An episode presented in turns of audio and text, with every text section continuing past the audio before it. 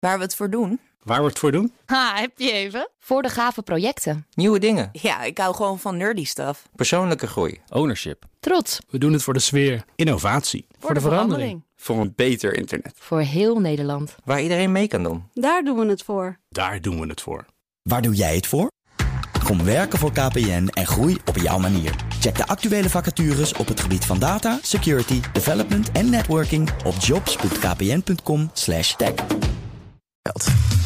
Wetenschap vandaag. Pauline Wuster, goedemiddag. Goedemiddag, Roos. We gaan het hebben over een van mijn favoriete onderwerpen: wijn. Ja. Um, want er zijn uh, ja, mensen met heel veel geluk in de wereld die daar onderzoek naar mogen doen. uh, wat is er onderzocht eigenlijk? Nou, deze studie die heeft gekeken naar wijnexperts. En dan niet mensen zoals jij, maar mensen die er ook voor gestudeerd hebben voor wijn. Um, en er zijn een paar dingen uh, die we weten over die wijnexperts. En die zijn vergelijken met uh, leken echt heel goed in het beschrijven van wijn. Dus ze zijn consequenter, ze kunnen goed het vers precieze verschil duiden in smaak, allemaal dat soort dingen. En ze zijn ook goed in het onthouden van die smaak van wijn. En wat ze in dit onderzoek wilden weten is: hoe komt dat nou? Hoe onthoud je dat zo goed? En we weten dat er iets bijzonders is aan het onthouden van geuren.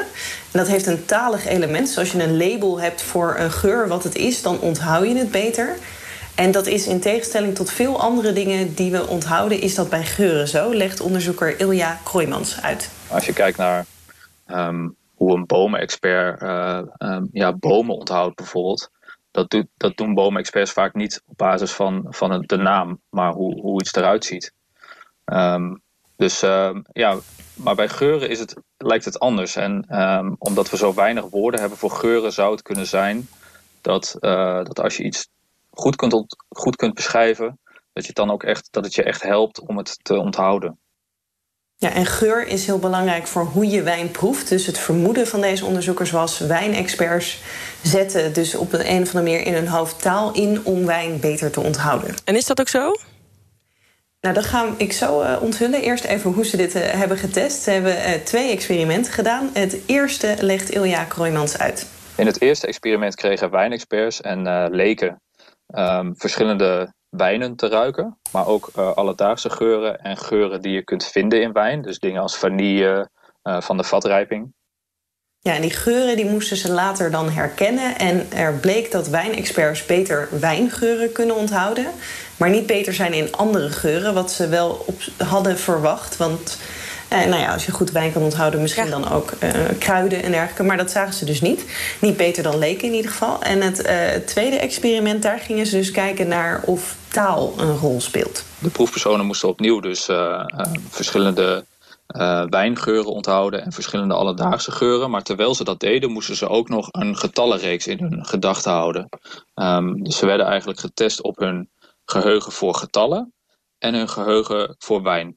En wat we weten is dat die getallenreeksen, die um, bezetten eigenlijk een heel specifiek deel van je werkgeheugen, het talige deel van je werkgeheugen. En daardoor um, kun je andere dingen eigenlijk niet meer op een talige manier verwerken.